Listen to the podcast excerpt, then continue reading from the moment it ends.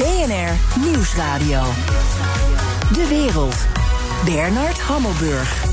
Welkom bij het beste binnenlands programma over het buitenland. Straks, Angela Merkel grijpt bijna nooit keihard in, maar nu wel. Twee keer achter elkaar. Haar kroonprinses en de premier van Turingen moesten het veld ruimen. Krijgt Moetie Merkel aan het einde van haar politieke leven ineens dictatoriale neigingen.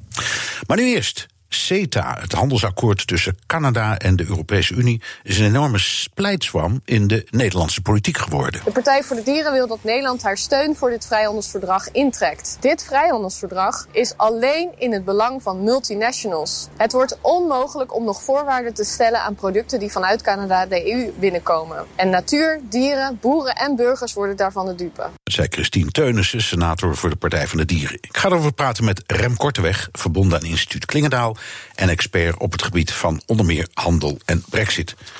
Welkom in het programma. Goedemiddag. Um, nou, dat CETA, dat handelsakkoord met uh, Canada, dat, uh, dat moet onmogelijk worden, want deze senator zegt het is een, een smerig middel voor uh, de internationale industrie om boeren en burgers en dieren allemaal de dupe te laten worden. Um, en als argeloze burger denk je dan misschien, ja, waarom doen we het? Laat het dan ook maar lopen. Zou dat niet beter zijn geweest?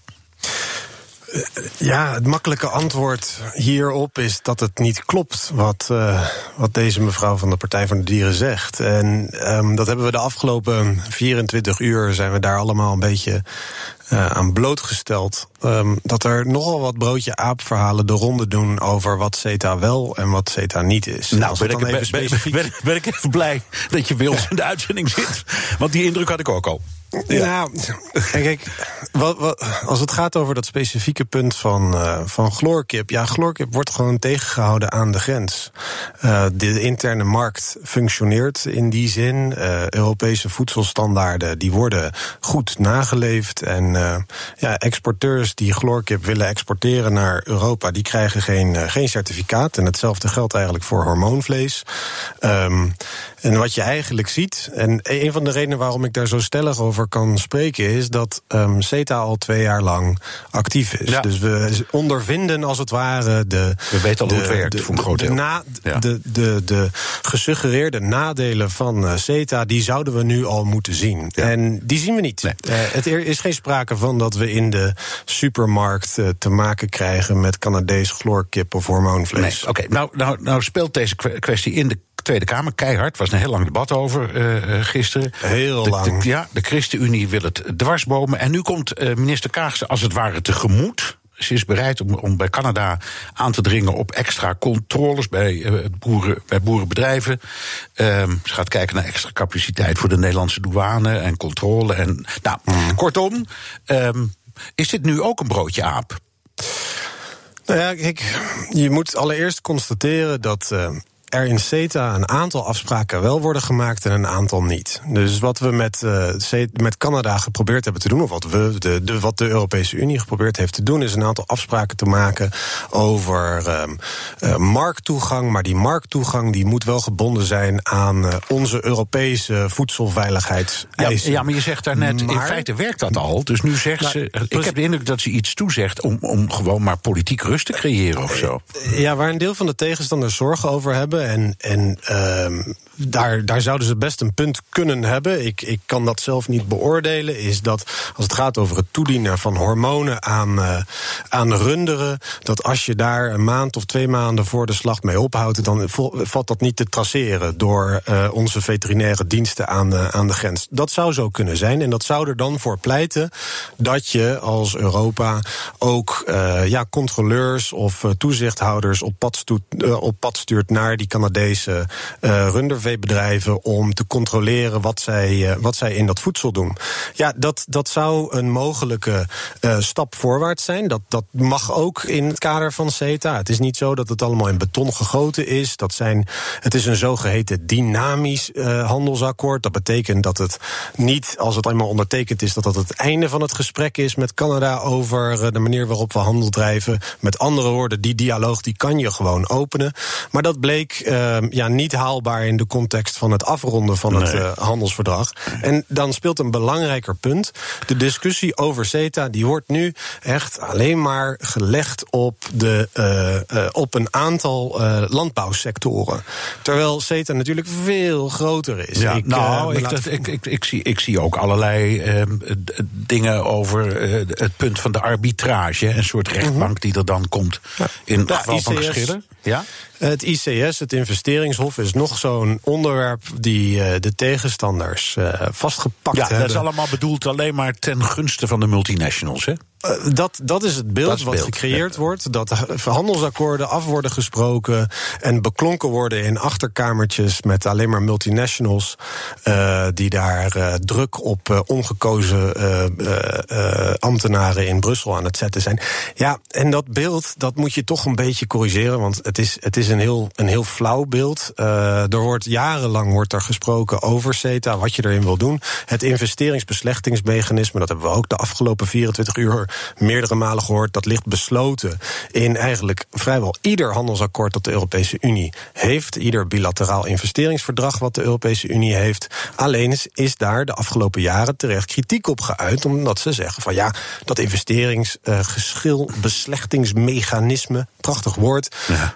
Um, dat, dat, uh, dat is niet transparant. Of die arbiters die zouden op ad hoc basis uh, worden aangesteld. Of er is geen beroepsmogelijkheid. Nou, op een aantal van die punten geeft het investeringshof een verbetering. Het is. Oké. Okay. Maar, maar, maar het, het, punt is dat het, het, het is een beetje een glas half vol, glas half leeg verhaal. En wat ik wel eens eerder gezegd heb, is dat voor de oppositie is het perfecte, het meest ideale handelsakkoord is een beetje de vijand van een goed vrijhandelsakkoord. En daar, daar staan we nu. Ja.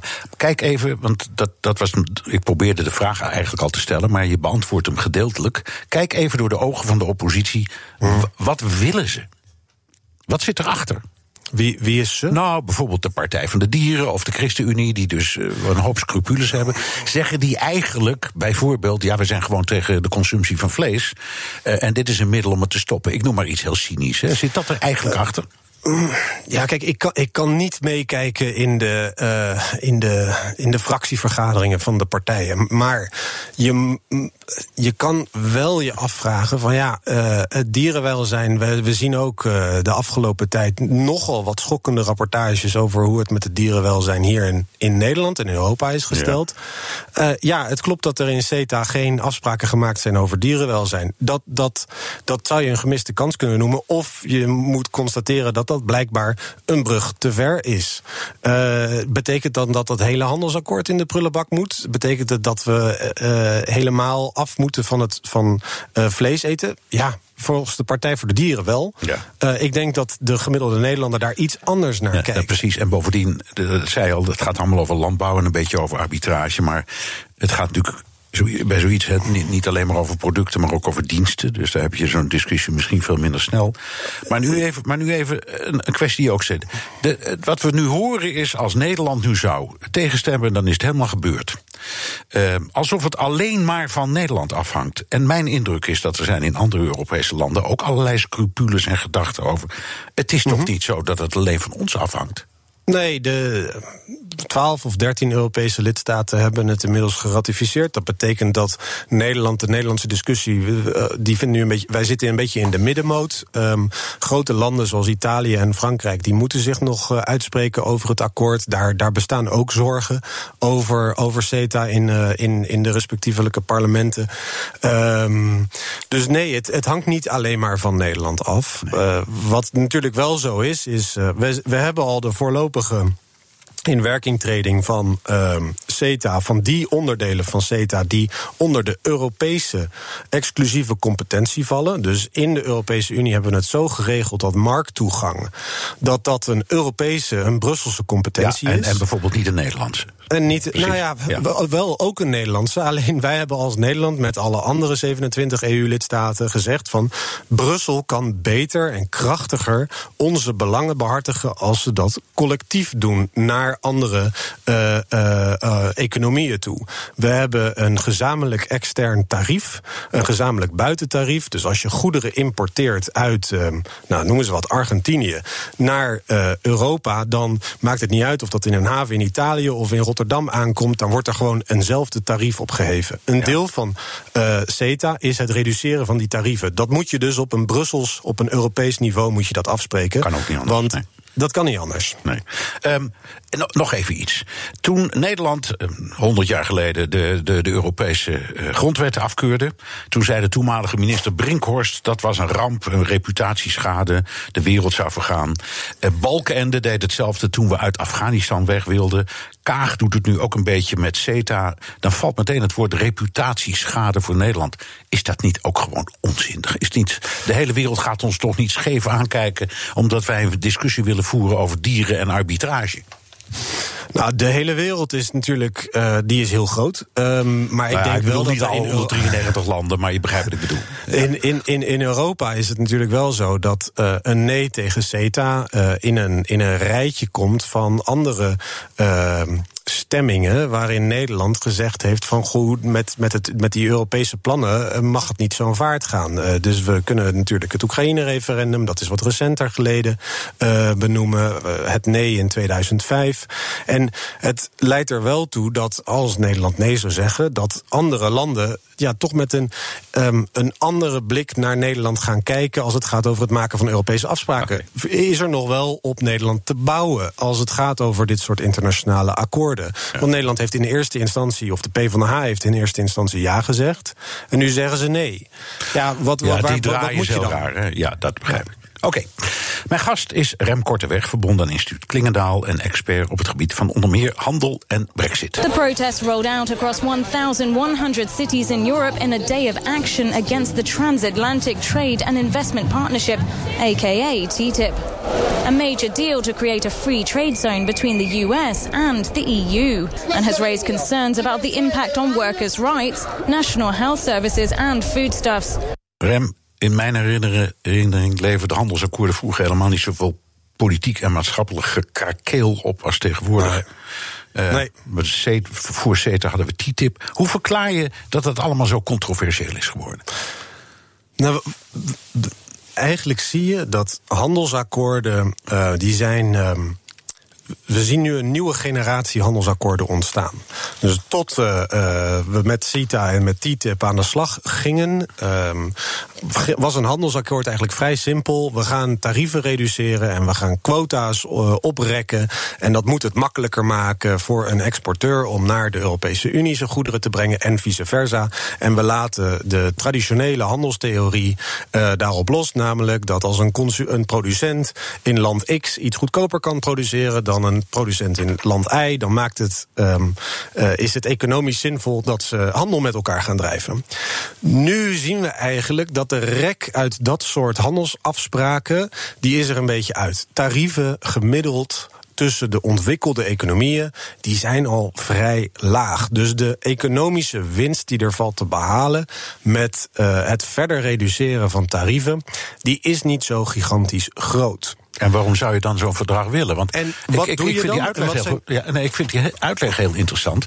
Het, het idee is, we maken de tarieven bij bevriende naties, laat ik maar zo zeggen, zo laag mogelijk. Maar voor de rest maar kan je alle regeltjes gewoon in stand houden. Over, over geloof ik, kip, of over hormoonvlees, of over... eh, Maar nou, dan hebben we het dus over de nieuwe generatie handelsafspraken. En die gaan veel meer over het ehm gelijktrekken van regels en normen en het zetten van standaarden. Want eh, het voorbeeld wat vaak genoemd is, is eh, ja, als je een autofabrikant bent en je wil je auto in Amerika verkopen, dan moet je het zes keer tegen een paal laten botsen om aan te tonen dat eh, Ja, de de veiligheidsgordels crash- goed werken. de crashtest, En dat moet je ja. en diezelfde auto of een andere auto moet je ook zes keer in Europa tegen diezelfde paal laten botsen om in Europa aan te tonen dat de veiligheidsgordels het doen. Is het niet zinvoller om met elkaar af te spreken van nou, wij eh, erkennen eh, het feit dat eh, in land X die, die veiligheidsgordel werkt, dan zal die ook in land Y het ook wel doen. En dat is een beetje op een heel bazaal niveau wat er nu geprobeerd wordt te doen. Om te zoeken naar manieren waarop je regelgeving gelijk kan trekken. En dat enerzijds. Het andere punt is dat in een periode waarin je ziet dat eigenlijk handelsregels onder druk staan. Omdat je nou, hè, met Donald Trump en, en, en met het Chinees staatskapitalisme. dat eigenlijk de bijl aan de wortel wordt gezet van internationale handelsregels. En dat eerder de recht van het, de sterkste eh, lijkt te gelden. Dat het belangrijk is dat je met landen akkoorden sluit dat je regels afspreekt. Wij spreken bijvoorbeeld nu met Canada af dat onze intellectueel eigendomsregels in Europa ook gelden in Canada. Dat we met Canada afspreken dat als het gaat over uh, arbeidsstandaarden of over klimaatstandaarden, dat we een regel afspreken dat we die niet gaan uh, uh, versoepelen of, om, omwille van de economische concurrentie. Ja. En zo kunnen we ook afspraken maken over duurzame productiemethoden. Je ziet dat dat bijvoorbeeld vastgelegd is in het EU-Vietnam-akkoord, wat gisteren is goedgekeurd door het Europese parlement. Um, zo, zo zie je dat eigenlijk nieuwe handelsakkoorden nieuwe regels proberen af te stemmen over hoe je producten maakt. En, en, en mijn, idee, mijn idee van houd nou simpel, doe alleen de tarieven. En de rest, dat doe je gewoon ad hoc. We hebben allemaal douane en controleurs en zo. Dat zie je dan wel als ze proberen er de grens mee over te komen. Ja, maar die, dan, dan moet je alsnog... Waarom, waarom, waarom kan het mij... Want je hebt ook die discussie gehad over schooldiploma's... en je, je studeert medicijnen in uh, Frankrijk... en je mag het vak niet uitoefenen in de Verenigde Staten... of weet ik veel, moet je opnieuw mm. examen doen. Ik begrijp dat je dat allemaal wel gelijk wilt trekken... maar als je het niet doet, heb je in ieder geval die handel al op gang. Ja, die, maar die handel, die, zeker met een land als Amerika of met Canada, die, die, die is er al. Je wil alleen het makkelijker maken dat uh, inderdaad uh, psychologen uit Nederland dat die ook hun beroep kunnen beoefenen in Canada als ze dat, als ze dat zouden willen. Of, ja. uh, of accountants of, of advocaten. En ja, daar zit, daar zit de nieuwe discussie in, in termen van handelsbeleid. En dat leidt tot gevoeligheden. Dat leidt tot nieuwe discussies, bredere maatschappelijke discussies. Want dat is inderdaad een veel minder technocratisch verhaal. Want dan krijg je dus discussies over waarom zouden wij een handelsakkoord met een land sluiten als daardoor uh, uh, standaarden in Europa ook mogelijkerwijs aangepast moeten worden. Ja. En dat zien we onder andere nu terug met CETA. Ik begrijp, ik begrijp, het. En ik snap ook best dat ze het willen hoor. Alleen ik denk, het, het zou simpeler kunnen. Je had het over Trump mm -hmm. en de invloed daarop. America First is een vorm van protectionisme, zou je kunnen zeggen.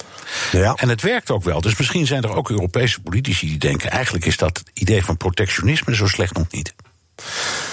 Ja, ik, ik kijk daar toch iets anders naar. Protectionisme leidt tot het, vaak het ophogen van tariefmuren. En tarieven zijn eigenlijk een belasting op de binnenlandse consument. Dat zie je nu ook terug in Amerika. Ja. Dat eigenlijk de, de, de Amerikaanse consument geraakt wordt door de tarieven die Amerika heeft afgekondigd. Onder andere op ex, uh, imports uit, uh, uit China, maar ook in de staalsector, waar Nederlandse staalexporteurs de dupe van zijn.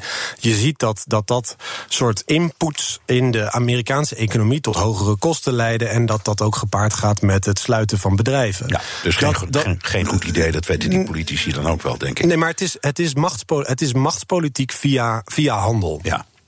Nou ja, en dat is het, het grotere doel is iets anders bij Donald Trump. En dat is niet zozeer dat het uh, gaat om het gelijktrekken van, uh, uh, van, de, van een handelsbalans. Het gaat er veel meer om om, om, om invloed uit te oefenen middels, middels de Amerikaanse markt. Ja, en dat, dat brengt ons even op Boris Johnson en Donald Trump. Want die, die, mm. die, probeert, die werken ook aan ja. een handelsverdrag. Uh, Boris wil alles eigenlijk ook met de Europese Unie zo snel mogelijk afwikkelen. Dan is hij ook. Hij is natuurlijk nu vrij om met de Amerikanen in afval te beginnen. Zitten daar nu weer diezelfde problemen in? Of zeggen deze twee mannen allebei: we hebben geleerd van dat gedoe met die Europeanen, we doen het anders en makkelijker? Allereerst is het interessant om te vermelden dat vandaag er een regering, een uh, kabinetswissel is in, in ja, Londen. En um, de minister van Financiën, ja. De minister van, van Financiën, die heeft ontslag genomen. En dat is belangrijk om te benoemen, want die, um, Sajid Javid, de Britse minister van Financiën, dat was een van de belangrijkste pleitbezorgers. Die zegt: we moeten prioriteit geven na de Brexit aan het bereiken van een goed akkoord met de Europese Unie. In plaats van meteen met de Amerikanen aan tafel te gaan zitten. Dus het is heel interessant om te kijken hoe nu de komende weken die dynamiek gaat veranderen. En gaan de Britten inderdaad eerst met de Amerikanen onderhandelen, of toch uh, uh, vooral een belang hechten aan een, uh, een, goed akkoord met hun belangrijkste markt aan de overkant van de Noordzee. Um, dat, dat ten eerste. Maar zeker, Boris Johnson wil een akkoord met, met Amerika. En Trump die zal daar iets um, voor terugvragen. Sterker nog, het is de vraag wat hij er überhaupt voor op wil geven. En een van de, de zaken die vaak genoemd worden, is is dat Amerika toegang wil hebben tot de Britse landbouwsector. En dan krijg je diezelfde discussie over chloorkip en nou, voedselstandaarden die wij nu in het kader van CETA hebben. Ja, nee, ik, en, ik, hoor, ik zie het ook in de Britse media. Dat is, dat is fel, niet te geloven over, over hormoonvlees. En het, precies hetzelfde. Je hebt helemaal gelijk. Alleen, alleen, alleen, nog, alleen nog een sausje eroverheen, zou ik zeggen. Ja, en, en het, het, het en um, wat ook een complicerende factor is, is dat in Brexit Britain onder een aantal van de, um, ja, de, de belangrijkste aanvoerders van Brexit wordt een akkoord, een handelsakkoord met Amerika gezien als een van de belangrijkste prijzen die er valt te winnen door uit de Europese Unie te treden. En dus zal je zeker zien de komende maanden dat er steeds meer gediscussieerd zal gaan worden over dat mythische akkoord wat de Britten met de Amerikanen weten te sluiten. Ik noem het mythisch omdat ik uiteindelijk denk dat als er een akkoord bereikt wordt in, een, in zeg maar, het komende jaar tussen Amerika en, uh, en, en het Verenigd Koninkrijk, dat dat niet heel veel um, inhoudelijks zal betekenen. Nee. En de reden daarvoor zal eerder symbolisch zijn dan dat het. echt grote veranderingen teweeg ja, Bovendien van al die grote wereldeconomieën, we hebben de neiging om Amerika, natuurlijk de grootste economie, ook te denken dat dat zo'n giga-exporteur is. Maar het is helemaal niet zo'n grote exporteur. op het totale wereldtoneel. Dus daar kijken, we, daar kijken de Britten zich misschien ook op. Nou ja, je hebt eigenlijk drie grote uh, handelsblokken, uh, handelseconomieën. Dat, zijn, uh, dat is Amerika, dat is China en dat is de Europese Unie. De Europese Unie is iets kleiner in termen van aantallen dan de Chinezen, maar wij zijn veel rijker dan China.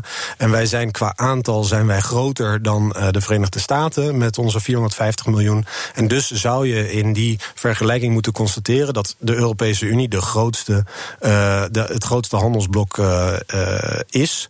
En de, gezien de nabijheid, de geografische nabijheid van het Verenigd Koninkrijk tot die grote uh, markt, moet je eigenlijk rationeel tot de conclusie komen dat het in het Britse belang is om vooral een goed akkoord te sluiten met de Europese Unie. Want als er één wetmatigheid is in um, handel, in de internationale handel, dan is dat dat. Uh, zwaartekracht een rol speelt. Dat wil zeggen dat je vooral handel drijft met de landen die dicht bij je zijn.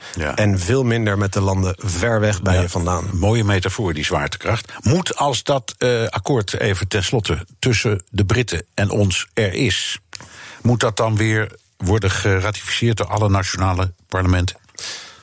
Waarschijnlijk wel. Ik zeg waarschijnlijk omdat dat nog niet duidelijk is of het een zogeheten gemengd akkoord wordt.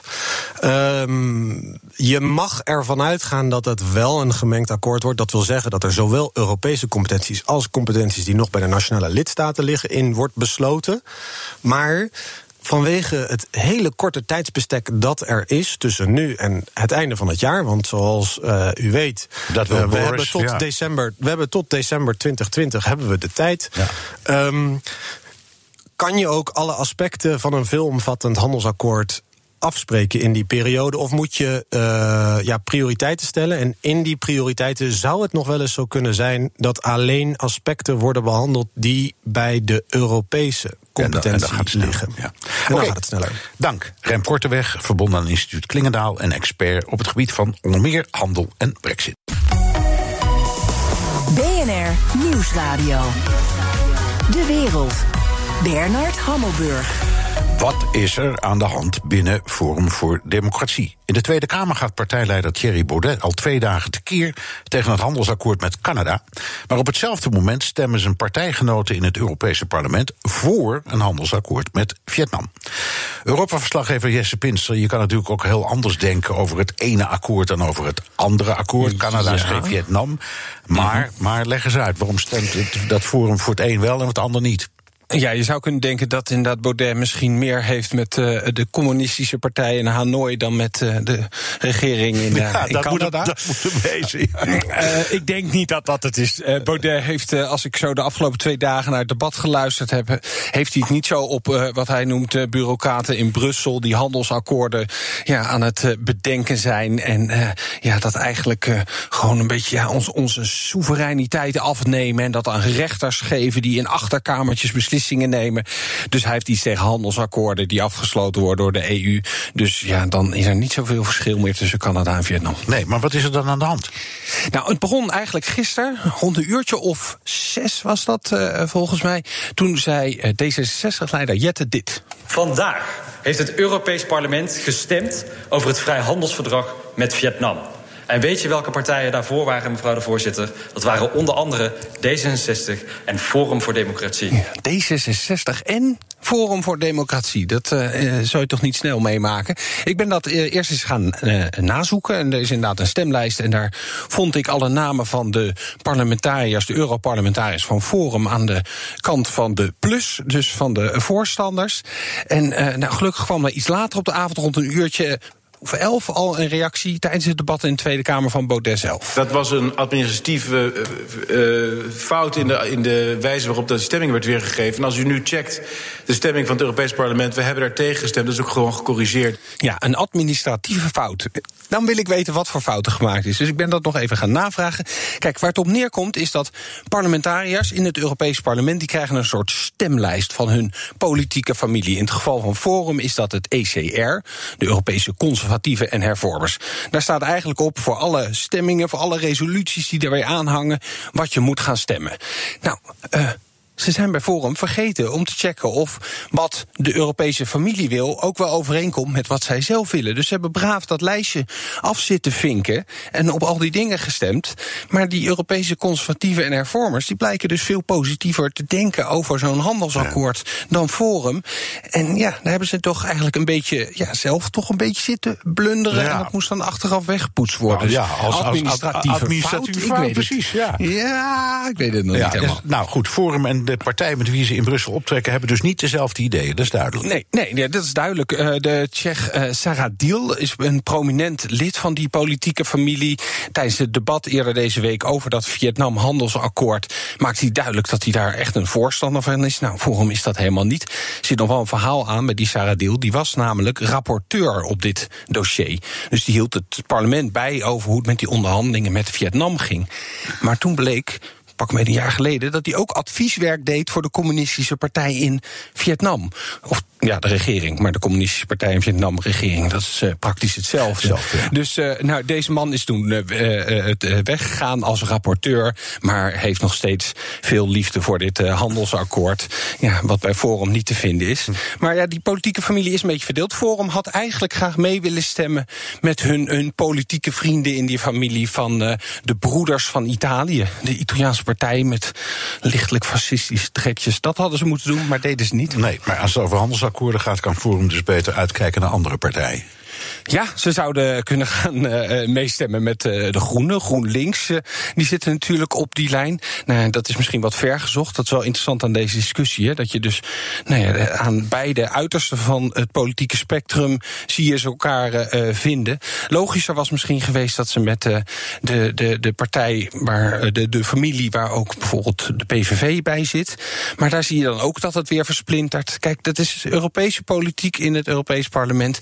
De versplintering die loopt altijd dwars door die politieke partijen heen. En dan moet je goed opletten op ja. welk knopje je drukt. En daar hebben we jou gelukkig voor. Dankjewel, Europa-verslaggever Jesse Pinster. BNR Nieuwsradio. De wereld. Moetie Merkel staat er niet onbekend dat ze met de bottenbijl ingrijpt of impulsief beslissingen neemt. Maar een premier in Turingen die steun krijgt van de uiterst rechtse AFD en haar kroonprinses die daar niet daadkrachtig op reageert, dan zijn ook bij de bondskanselier de rapen gaar. The leader of the governing Christian Democratic Union has said she's stepping down. Her decision follows a scandal over the involvement of the far-right Alternative for Germany in a regional election. Die Wahl dieses Ministerpräsidenten war ein einzigartiger Vorgang mit einer Grundüberzeugung gebrochen hat für die CDU und auch für mich. Ik ga erover praten met Wouter Meijer, oud-correspondent in Duitsland voor de NOS. Welkom. Hallo. Fijn dat je er weer bent. Goeiedag. Uh, Merkel greep dus tegen haar natuur eigenlijk, kun je zeggen, keihard in in Turingen. Helemaal vanuit Zuid-Afrika, waar ze op dat moment was. Uh, gaat tegen overtuiging. Uh, je kunt niet met de AFD samenwerken. Is dat een, echt een no-go in Duitsland? Ja, dat is voor de grote partijen is dat een no-go. Um, het is ook afgesproken bijvoorbeeld bij de CDU van Merkel. Uh, op, het, op het landelijke partijcongres dat we geen coalities aangaan met de AFD. Dus niet samen een burgemeester of een premier kiezen of benoemen. Da daar, daar, sluit je geen coalities mee. Dus dat had die afdeling in Turingen natuurlijk ook geweten, want die zitten ook bij zo'n landelijk congres. Um, maar het is opmerkelijk natuurlijk dat ze dat zo snel deed. Omdat vaak Merkel toch meer iemand is die even kijkt hoe de hazen lopen. en op het laatste moment haar geld inzet op de winnaar. Ja. En in dit geval ja, is, dat, is dat taboe heel duidelijk. Ik denk ook voor haar persoonlijk natuurlijk, als iemand die uit, uit het oosten komt en ziet wat er gebeurt in Oost-Duitsland, waar die AFD steeds populairder wordt, dat ze nog één keer met haar vuist op tafel heeft geslagen en gezegd: jongens, we hebben afgesproken dat we het niet doen. Dus we doen het niet het moet teruggedraaid worden. Ja. Had het ook iets te maken met uh, Björn Hukke, die, die de AFD-leider in Turingen, die, nou ja, mijn woorden dan, maar wel heel dicht uh, tegen de neonazies aanschurkt? Nou, het, het aardige is aan, of juist niet misschien, is dat je Björn Hukke een fascist mag noemen. Uh, want, ja, dat noemt hij zichzelf ook, geloof ik, hè? Nee, nou, nee, hij zelf niet. Het probleem met dat soort mensen is dat als je ze fascist noemt, dat ze boos worden. Maar in dit geval uh, heeft hij dat ooit tegen geklaagd bij de rechter. En die heeft die klacht afgewezen. Ja. Waarmee in feite dus juridisch is vastgesteld dat. dat dus, dus tegenstanders en mensen wat verder links dan Merkel, die noemen hem ook graag fascist, omdat intussen vaststaat dat dat juridisch ja. mag. Maar goed, de vraag was: had het ook met, die, met zijn persoon te maken in dit geval? Ja, het heeft met zijn persoon te maken. Maar hij staat ook, ook niet alleen. Uh, die, die hele AFD-afdeling Turingen is, uh, is zeg maar de, de rechtervleugel van een ultrarechtse partij. En dus de vleugel die echt over alles heen gaat wat in Duitsland taboe is. Zoals het verwerken van het verleden. Het feit dat er musea en, en herdenkingspunten voor zijn. Daar wil hij allemaal van af. Uh, het, is een, een, een rabiaat rechtse afdeling ja. in Turingen. Geen holocaustherinneringen en al dat soort dingen. Daar moeten ze allemaal niks van weten eigenlijk. Nee, precies. Dus het ja. holocaustmonument in, in Berlijn. Dat is een, een monument van de schande. En dan moet een keertje opgehouden worden met de kinderen te indoctrineren. Dat ze moeten weten wat ze moeten, moeten weten, weten over het verleden. We weten waar ze staan. Uh, Merkel zegt helemaal vanuit uit Afrika. en zoals jij zegt, eigenlijk tegen haar natuur in. Want meestal wacht ze af meteen. Dit kan niet, dit gaat ook niet door. Um, hoe, hoe staat de rest van haar eigen partij hierin? Nou, het overgrote deel van de partij staat daar net zo in als zij. Uh, dus is ook blij, denk ik, dat, dat zij dat heeft gezegd als, als bondskanselier. natuurlijk niet meer als partijvoorzitter, maar goed, de, de, de partijvoorzitter is uh, zelf intussen afgetreden, of die, die wil nu weggaan, Annegret. Ja, ja, ja. Dus zij is ook gewoon weer intussen de sterke vrouw in, in haar eigen partij, omdat haar opvolgster alweer bijna weggaat. Uh, dus het grootste deel van de partij is het met haar eens met die lijn. Alleen het probleem is dat in sommige delen van, het, van Oost-Duitsland mensen wel iets meer in haar partij voelen voor samenwerking met de AFD. Omdat het vaak gewoon de enige optie op de macht is, ook op regionaal niveau, op plaatselijk niveau. Ze eigenlijk toch ja, zaken moeten doen met de AFD om aan de macht te blijven. En natuurlijk die CDU-afdelingen daar soms zelfs zelf ook nogal rechts zijn. En dus helemaal niet zo ver afstand van die AFD. Nee, maar je kunt zeggen, de meerderheid van de partij dat heeft een soort van cordon sanitair uh, opvatting. Maar ja. in het oosten ligt dat toch ietsje genuanceerder. Ja, daar is het vaak toch pragmatisch, omdat in het oosten vaak die linker ook heel sterk is. Uh, in het oosten zijn dat natuurlijk ook de, de opvolgers van de voormalige communistische partij van de. DDR. En dat is voor veel mensen ook een taboe. Dus je moet eigenlijk kiezen met samenwerken tussen heel links en heel rechts. En uh, de CDU heeft officieel de lijn dat ze het allebei niet doen. Ze, ze noemen ze ook altijd extreem links en extreem rechts.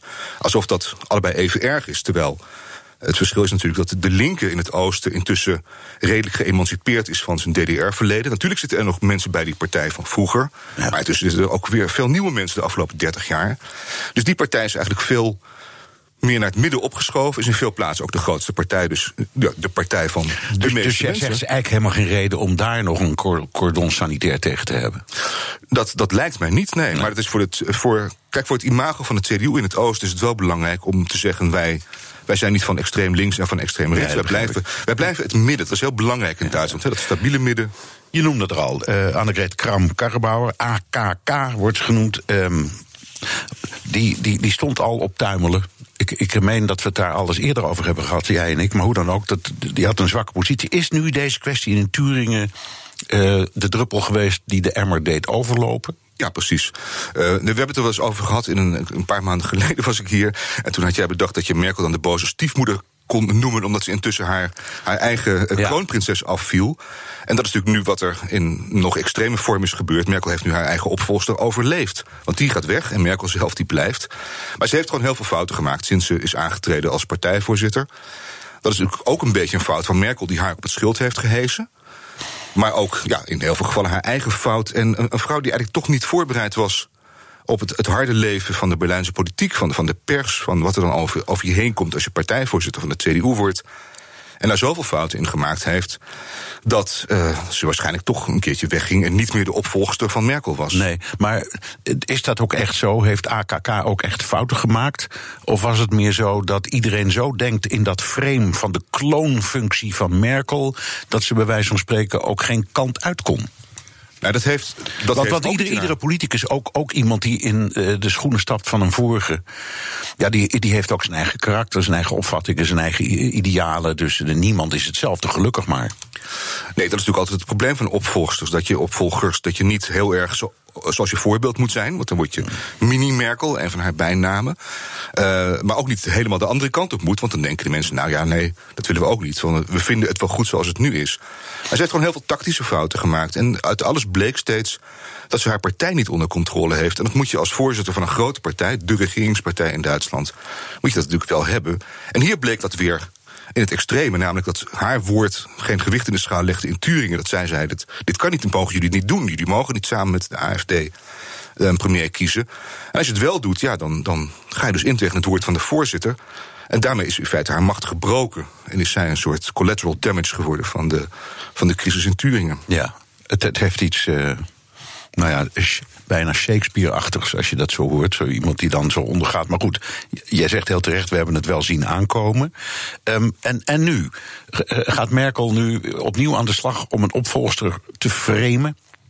Ik denk het niet. Ik denk dat Merkel dit nu gewoon verder afwacht en dat het Kijk, Merkel heeft, je kunt daar heel veel positieve dingen over zeggen en haar bewonderen om allerlei redenen.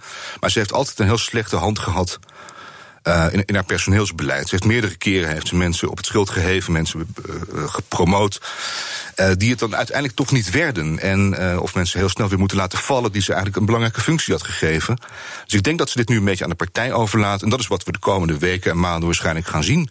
Dat allerlei kikkers uit de kruiwagen springen en zeggen: Ik word hier de baas. Ja. En die partij moet dan kiezen. En um, uh, ken je namen of mensen? Heb je een idee wie dan in aanmerking zouden komen? Want ik, ik, ik als leek denk, ik zie er niet één. Nee, dat, dat is dat is waarschijnlijk het beeld wat je, wat je hebt van Duitsland. Omdat je altijd aan, aan Merkel bent gewend de afgelopen ja. 14 jaar nu als bondskanselier.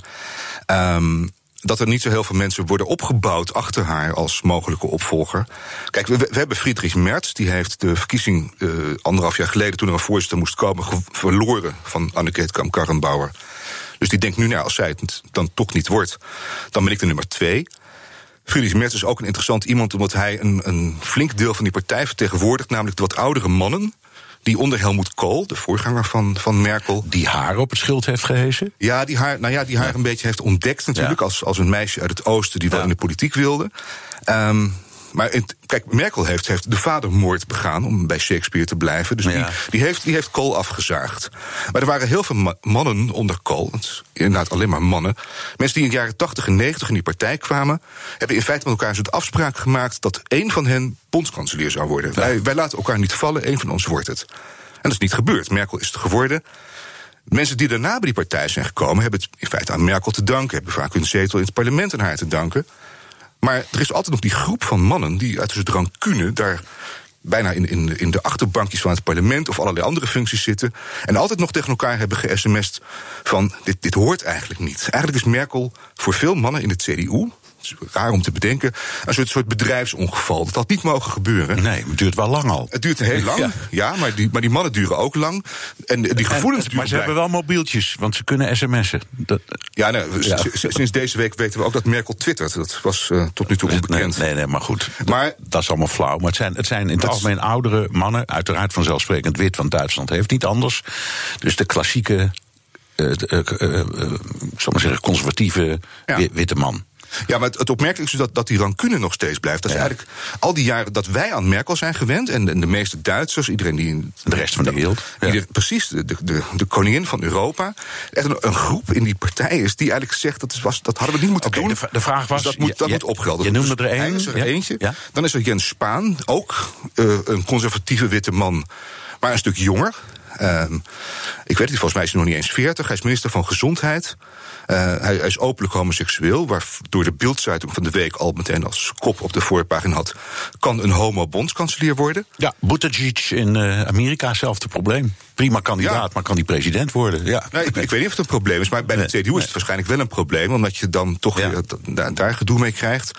Maar hij is wel, om het te compenseren, is, is hij erg conservatief en, en ja, bijna nationalistisch in de zin van we moeten onze eigen waarden en normen moeten we, moeten we in stand houden.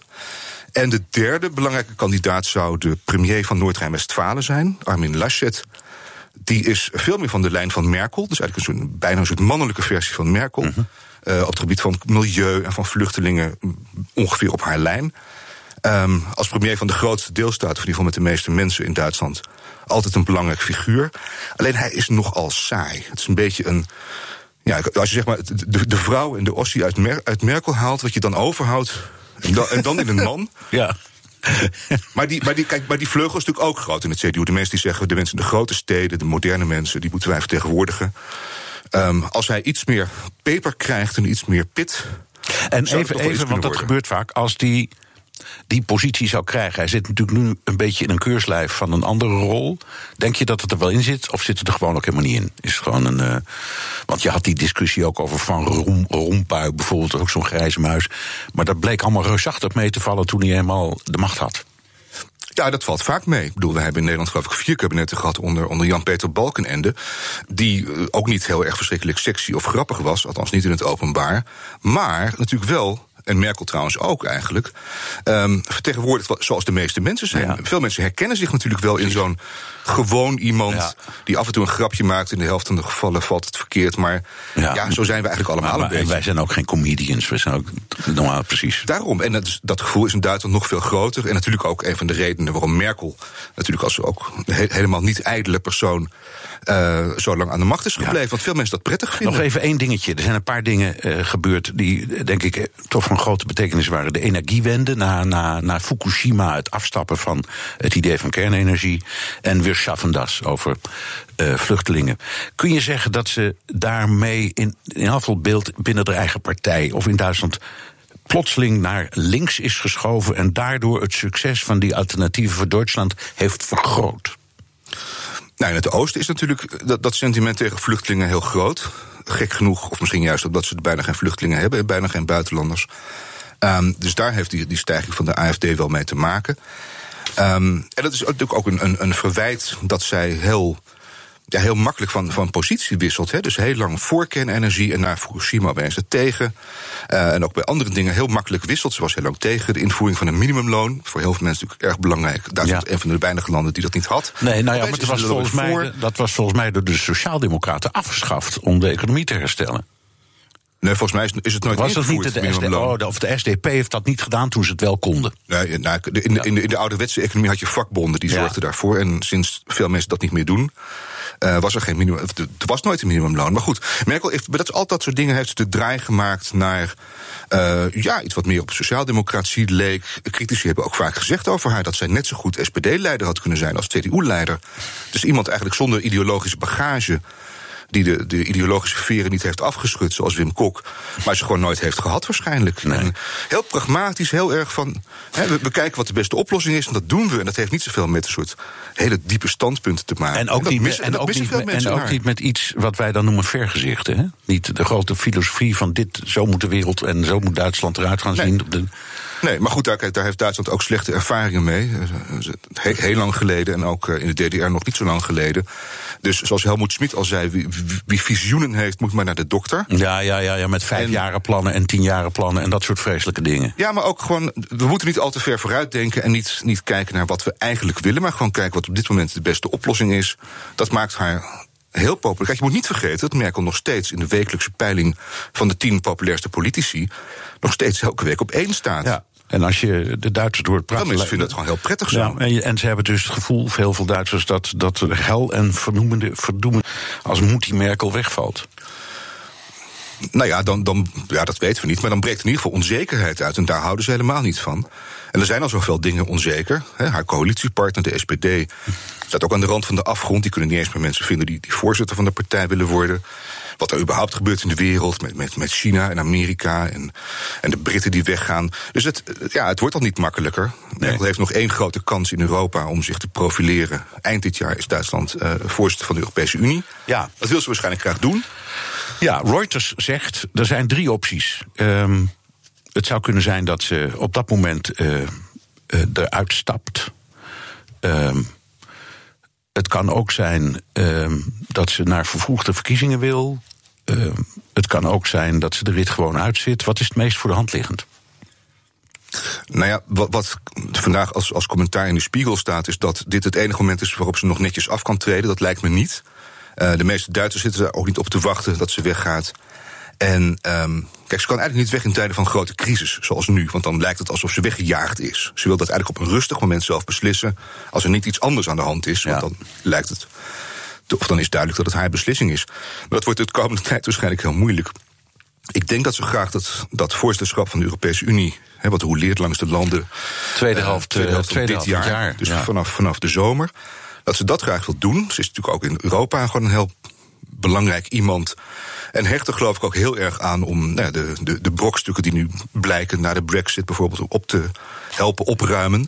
Dus dat zal ze nog wel willen doen. Ja, en dan intussen hopelijk komt haar partij uh, tot een soort consensus over wie haar op moet volgen. En die kan zich dan vast warm gaan lopen. En dan zou ze bijvoorbeeld na dat halfjaar voorzitterschap af kunnen treden. Maar het probleem is altijd dat ze heeft gezegd dat ze niet meer opnieuw kandidaat wil zijn, niet meer opnieuw bondskanselier wil worden. Dus zodra het kabinet valt, dat kan ook door de SPD komen, door haar ja. coalitiepartner. Kan zo gebeuren. Als die partij in een soort vlaag van. Uh, van voltooid leven uh, denken we, we stoppen, we, we stoppen ermee met deze coalitie. Dan, dan is Merkel ook weg. Dus ja. het ligt niet alleen in haar handen. Nee, nee. Um, je had het er al een beetje over de, de oude witte mannen, maar is er een richtingenstrijd binnen het CDU?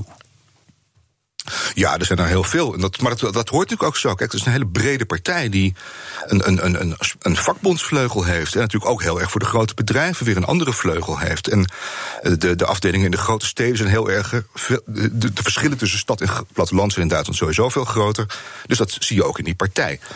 Um, en dat is op zich ook vrij normaal. En dan kom je meestal uit op een, op een kandidaat van het midden, die dat in ieder geval met iedereen kan praten. En die dat een beetje in evenwicht houdt.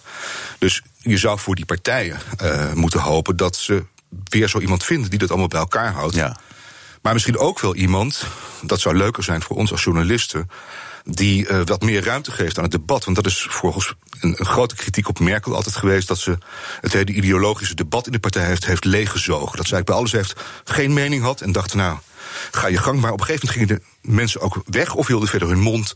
Want echt tot grote discussies kwam het niet meer in de nee, partij. En zij wachten dan af tot alle discussies waren uitgewoed en nam een beslissing. En daar, dat heeft iets dictatoriaals. Ja, het, nou, dat weet ik niet. Het heeft ook iets van een soort, soort hele hoge ambtenaar, van een soort afdelingsleider. Ja, ja. Die zegt, nou laten we allemaal maar koffie gaan drinken en, en niemand opbellen. Ja. En dan, als we eruit zijn, dan, dan hoort u het wel. Dat was vaak het idee bij Merkel. U, u hoort het wel als we het weten. Ja. Eén dingetje nog. Denk je dat uh, we er rekening mee moeten houden dat linksom of rechtsom, no pun intended, het iets wordt van CDU en de Groenen in de toekomst? Want die FDP, die liberalen, stelt ook niet zoveel voor. Nee, het, stemt, het stelt eigenlijk allemaal niet zoveel voor. Behalve de AFD, die ook landelijk uh, het, het, wel goed doen. Maar waar niemand mee wil regeren of mag regeren, dat hebben ze zo afgesproken. Dus de kans is heel groot dat na de volgende verkiezingen, of die nou dit jaar nog zijn, of anders zijn ze volgend jaar sowieso, want dan moet het weer een keer. Um, dat er een regering komt van, van, de, van het CDU en de Groenen. En dan zou bijvoorbeeld die Armin Laschet, de premier van Noord-Rijn-Westfalen, zou best een goede kanselierskandidaat zijn. Want die kan heel goed met die Groenen, die zit daar ideologisch gezien veel dichterbij. Dan zullen de oude conservatieve mannen wel weer boos zijn in die partij. Maar ja. Dat zijn ze toch. Dat zijn, dat zijn ze ja. toch. En, en die verdwijnen uiteindelijk altijd. Ja, zo is dat. Dankjewel, Wouter Meijer, oud-correspondent in Duitsland voor de NOS. En tot zover BNR De Wereld. Terugluisteren kan via de site, de app, iTunes of Spotify. Reageren kan via een mailtje naar dewereld.bnr. Tot volgende week.